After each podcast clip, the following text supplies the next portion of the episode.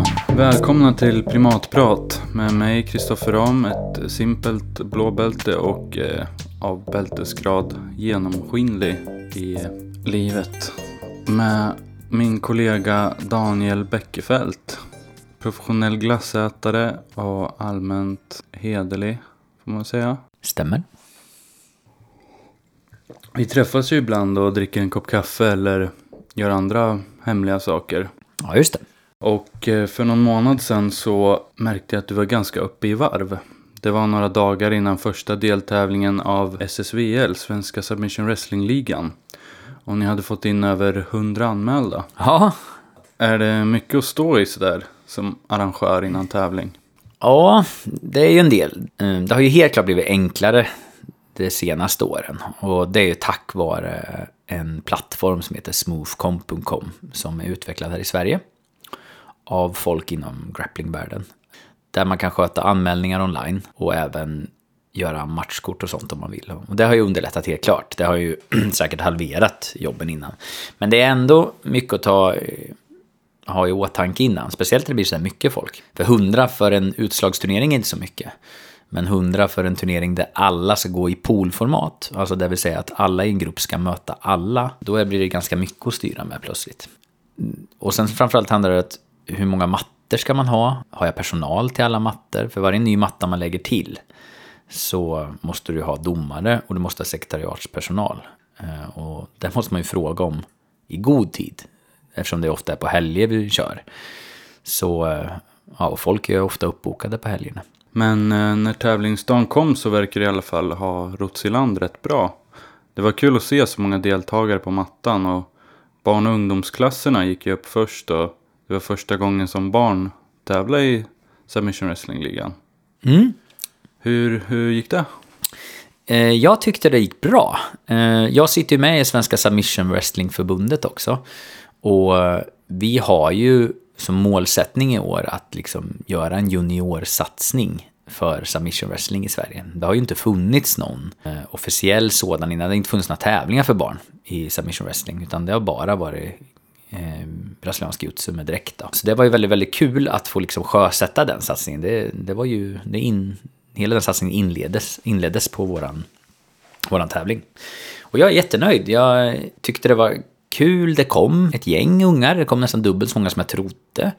Eh, De var väldigt duktiga, men de var också väldigt, väldigt trevliga. Ingen skadades. Så det var, gick över förväntan måste jag säga. Så jag var nöjd. Kul. Mm, det var jättekul faktiskt. Roligt att se när de kämpar. Ja, för att så är det ju. Du kan ju inte ha en sport. Om du har ambitioner att göra en sport, liksom kunna hävda dig på världsarenan, så kan du inte ha en sport där man börjar vid 21 års ålder. Resten av världen börjar vid 8. Och det som har varit ganska häftigt med grappling, som har skilt grappling från andra sporter, det är ju det är att det är väldigt hög medelålder på de som startar. Det är ju liksom runt 20 för de som börjar sporten och som blir duktiga sen. Men samtidigt nu så börjar ju, alltså ju mer större en sport blir, eh, och ju mer seriös den blir kan man väl säga så, så kommer ju barnträning och barnsatsningar och ungdomssatsningar komma in och det har den nu. Så jag tycker det är jättekul att, att, att barnen kan börja tävla vid en tidig ålder. Det är ju där våra framtida liksom, potentiella Europa och världsmästare kommer finnas. Nog inte så ofta bland de som är 25 och börjar. Även damklasserna körde ju igång där på morgonen. Det verkar som att det blir fler och fler kvinnliga tävlanden. Stämmer det? Ja, för det första kan det gå lite upp och ner tycker jag, från tävling till tävling. Men helt klart så tycker jag det har blivit mer kvinnor. Sakta men säkert. Och just nu har vi ett stort antal kvinnor i samma vikt och erfarenhetsklass i Sverige. De har kört rätt lika länge, de möter varandra mycket och så. Det rätt tuffa matcher alltså. Så det är vilket är kul att se. Så jag skulle säga att minus 60 avancerad. Eh, vi har ju tre olika klasser i SSVL. Vi har ju nybörjare, fortsättning, avancerad. Och avancerad brukar alltid vara minst. För att det är ja, minst folk som ställer upp. Reglerna är lite tuffare i dem och så. Men eh, damer minus 60 avancerade är den absolut största damgruppen. Vilket är jättekul för att det vi får se mest matcher i då är ju de som är bäst.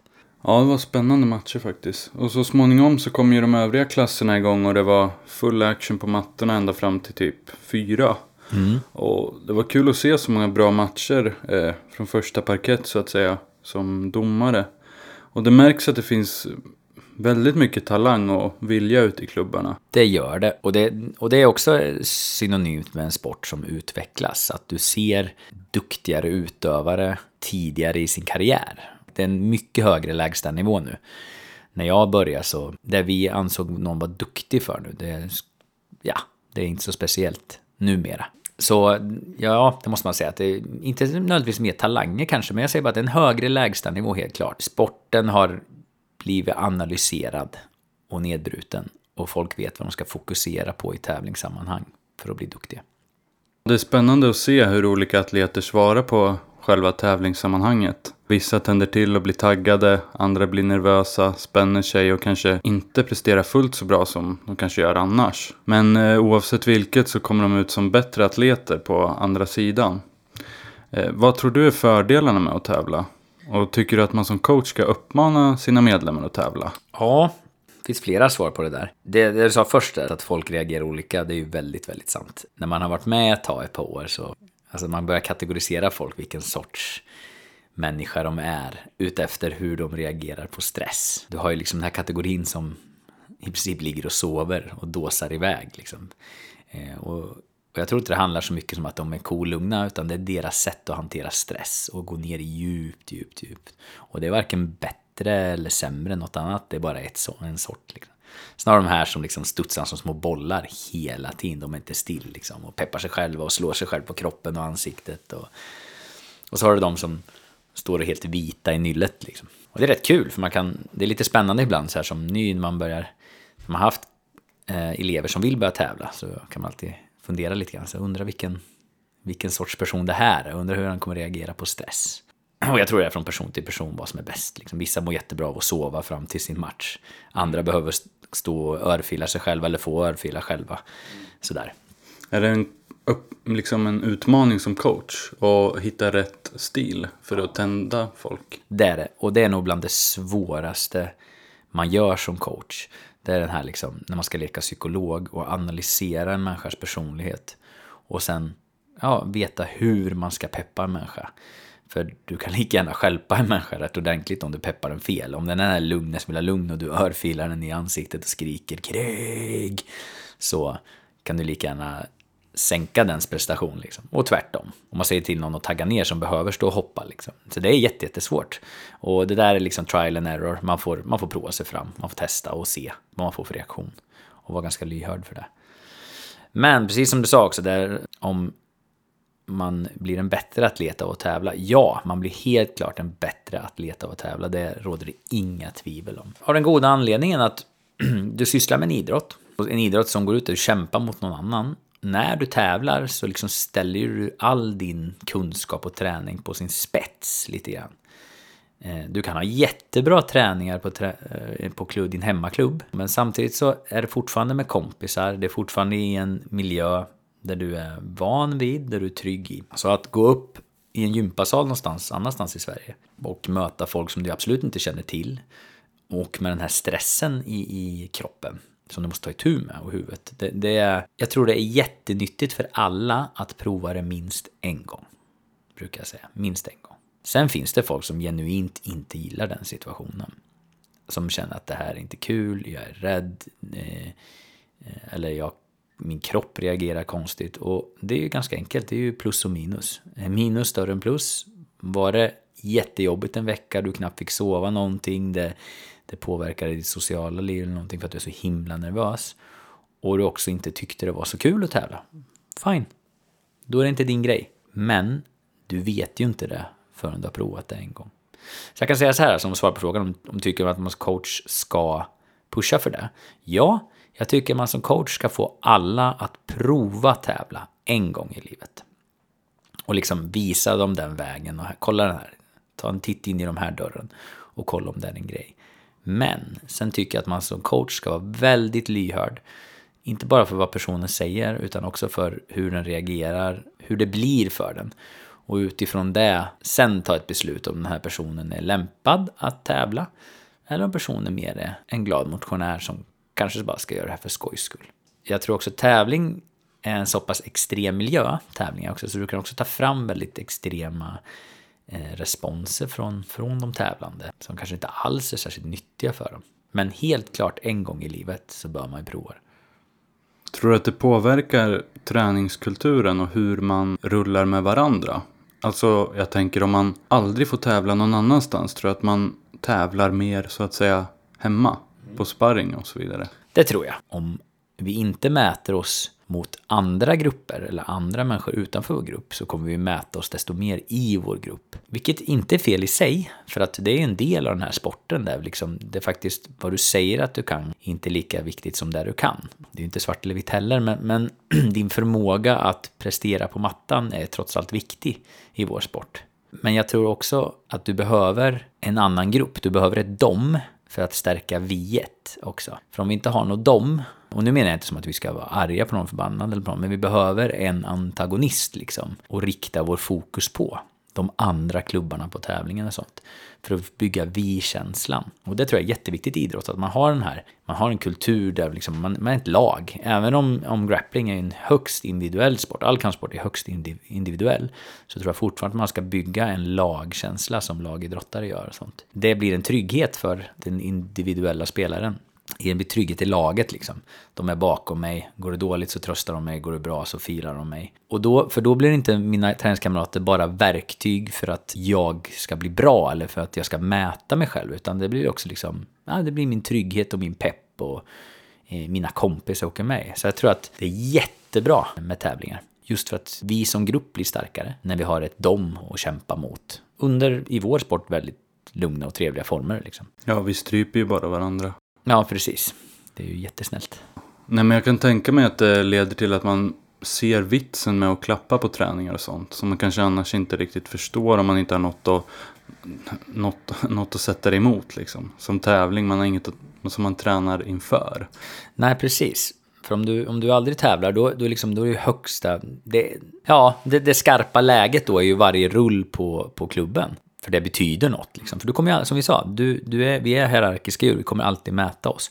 Men har du istället tävling, då vet, om du vet att ja, om två veckor har en tävling, det här är bara träningen för tävling. Jag tror det är mycket lättare att tagga ner för folk då. Och sen så, en annan grej, en bieffekt där, som kanske inte är fantastisk, men om du tävlar mycket så kommer du ont i kroppen. Du kommer vara sliten.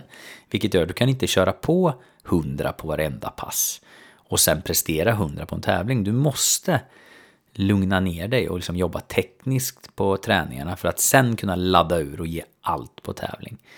Så jag tror det är mycket lättare liksom att periodisera lite grann sådär eh, om man tävlar mycket. Ja, det har ju blivit en hel del tävlingar genom åren som du har arrangerat. Ja, jag skulle tro runt 50 i alla fall.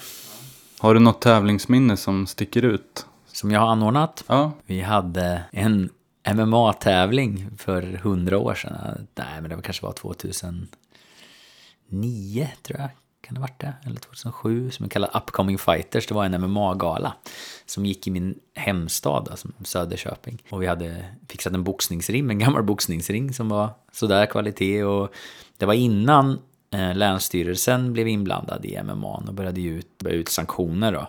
Man fick, ja, och MMA-förbundet var uppstyrt, så det var ju väldigt... Det var, the glory days. Ja, the glory days. det var verkligen vilda västern. Det var kul, det var en amatörgala, så det var inget sådär, men det var just bara hela runt om. Det var, vi var unga, eller yngre. Jag är ganska ung fortfarande faktiskt. Men vi var yngre, man kunde inte så mycket, det var mer bara, ja men klart det ska ha en gala och folk får dänga på varandra lite liksom. Det blir bra. Eh, och den var ganska kul för att vi, det höftades till mycket. Och det är rätt fränt det där tycker jag att när det mest är bara positiv pepp som gäller så bara flyter saker. När man liksom inte blir det här som man, man blir lite mer erfaren, lite äldre. Så ja men det här kan ju gå fel och det här kan ju gå fel och det här kan gå fel. Så liksom, man sitter ju lika mycket och tänker över alla potentiella problem, vilket man ska göra för att liksom för att kunna göra någonting åt dem när de kommer. Men då var det mer liksom där, men vi kör, det här blir skitbra liksom. Så det var en riktigt rolig gala. Det var en bra gala också. Jättebra matcher och sådär, men nu i, så här, i efterhand kan jag tänka som vad som helst kunde ha hänt och vi hade absolut ingen plan för det. Så det är verkligen sådana minnen jag kommer ihåg, så här, första, det verkligen la ner tid på. Sen har jag årets, eh, förra årets SM faktiskt. Vi anordnade SM i submission wrestling. Och det är liksom lite tvärtom, skulle jag säga. För jag, det är nog den tävling som jag har planerat mest minutiöst där väldigt tidigt så delade jag ut ansvarsuppgifter till folk. Du vart ju anställd eh, och fixa logistikgrejer liksom och fixa mattor och allting. Mm. Och det var väldigt sådär flera månader innan. Kan du det här då? Kan allting vara uppstyrt?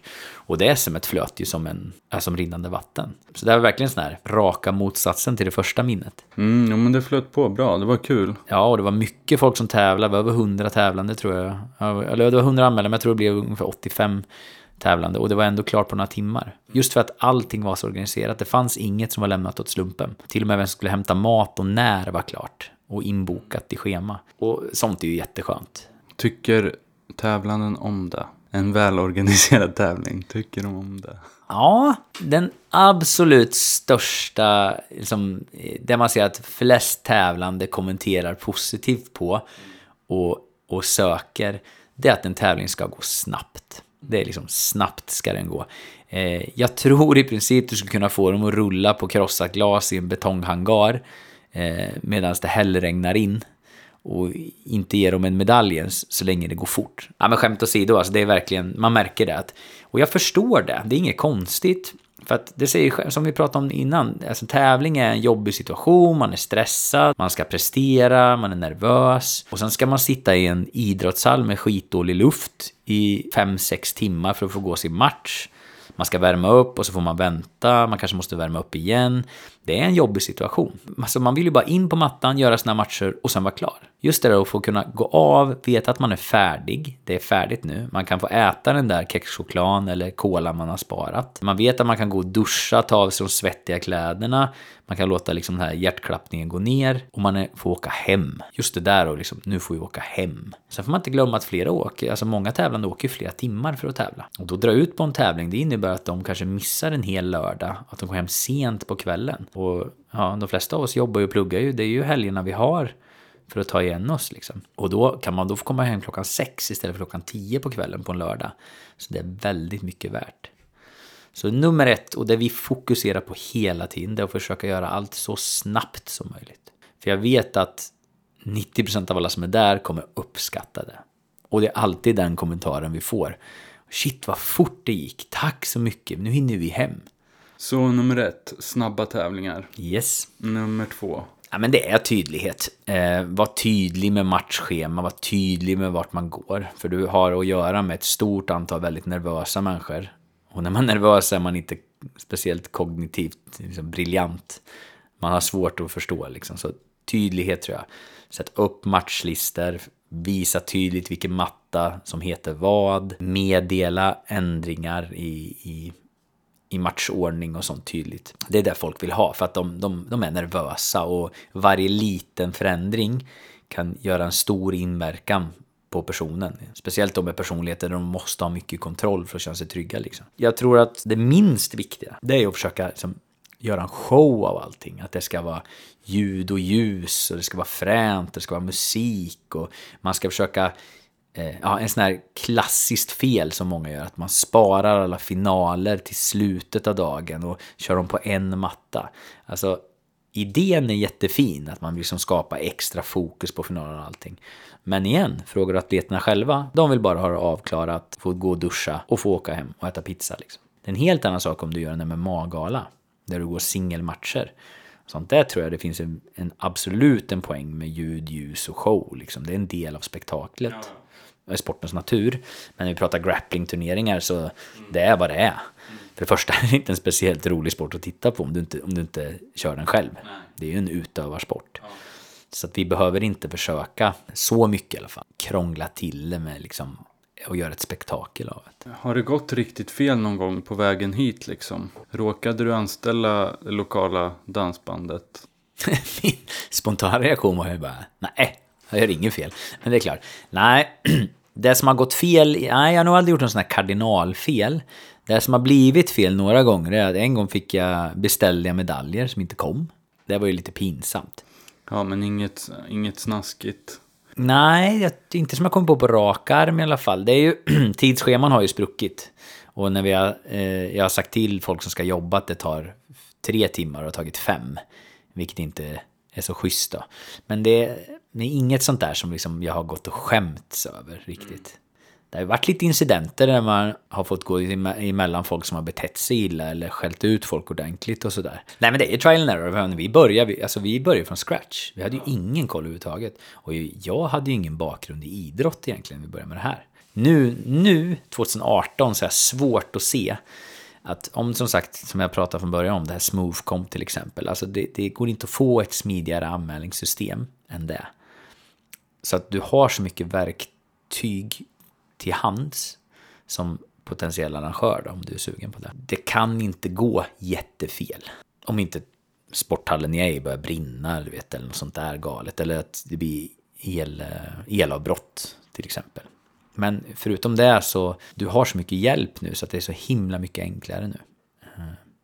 Varför ska man göra det då? Varför ska man arrangera en tävling och göra allt jobb som det innebär? Vad, vad får man ut av det? Vad, vad får du ut av det? Och vad, vad tycker du man lär sig som, som grupp som arrangerar?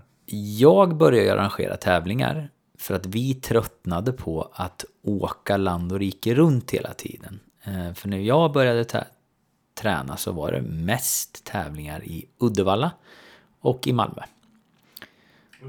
Uddevalla? Ja. Uddevalla hade en stor tävling som hette Gameness varje år som var jättepopulär. En submission wrestling-tävling som var liksom den största submission-tävlingen i Sverige under flera, flera år. Nej, så vi startade egentligen bara av bekvämlighet. Att vi, vi har tröttnat på, alltså Uddevalla tog det ju fyra timmar till och, och Malmö tog det fem timmar till och var övernattningar. Vi kände att nej, men det här går inte. Alltså, vi kan inte, det kostar ju massa pengar och det tar massa tid. Så vad fasen, kan vi inte göra något här i stan?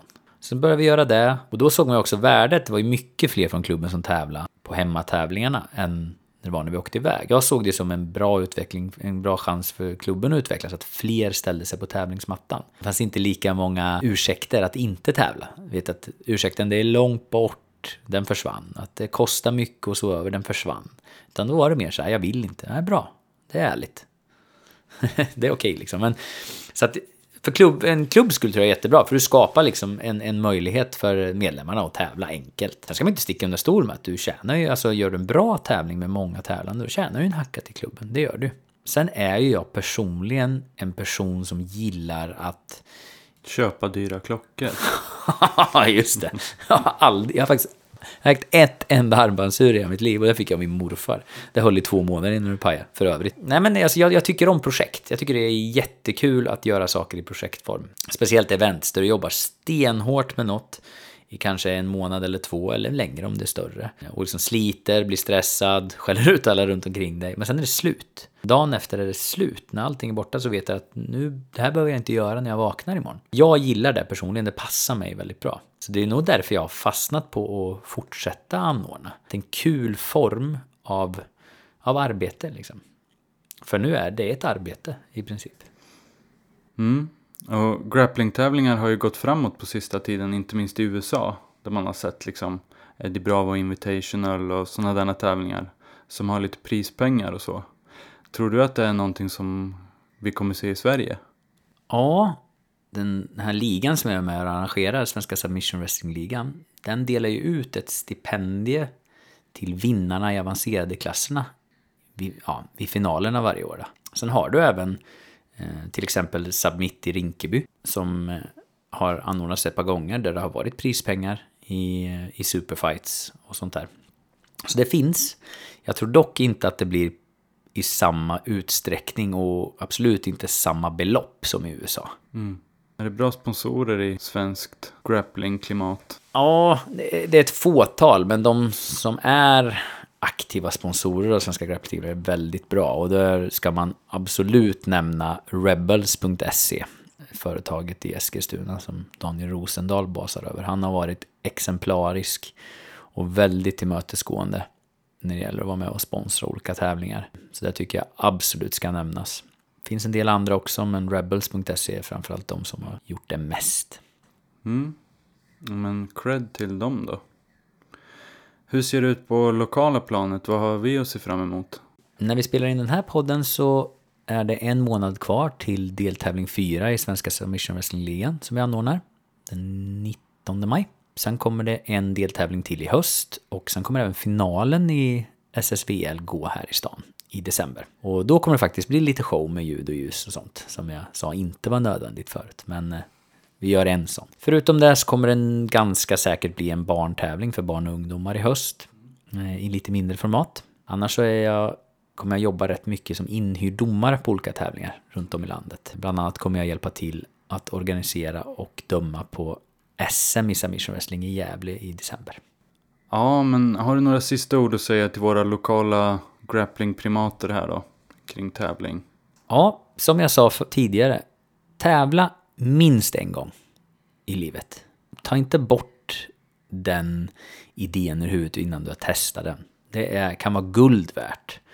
Eh, och du kanske hittar något du tycker är jättekul att göra. Men det vet du inte förrän du har provat det. Och sen om du inte vill eller kan tävla, kom och heja på dina kamrater som faktiskt tävlar. De behöver ditt stöd och det är en trygghet. Ja, men tack så mycket för den här intervjun. Tackar.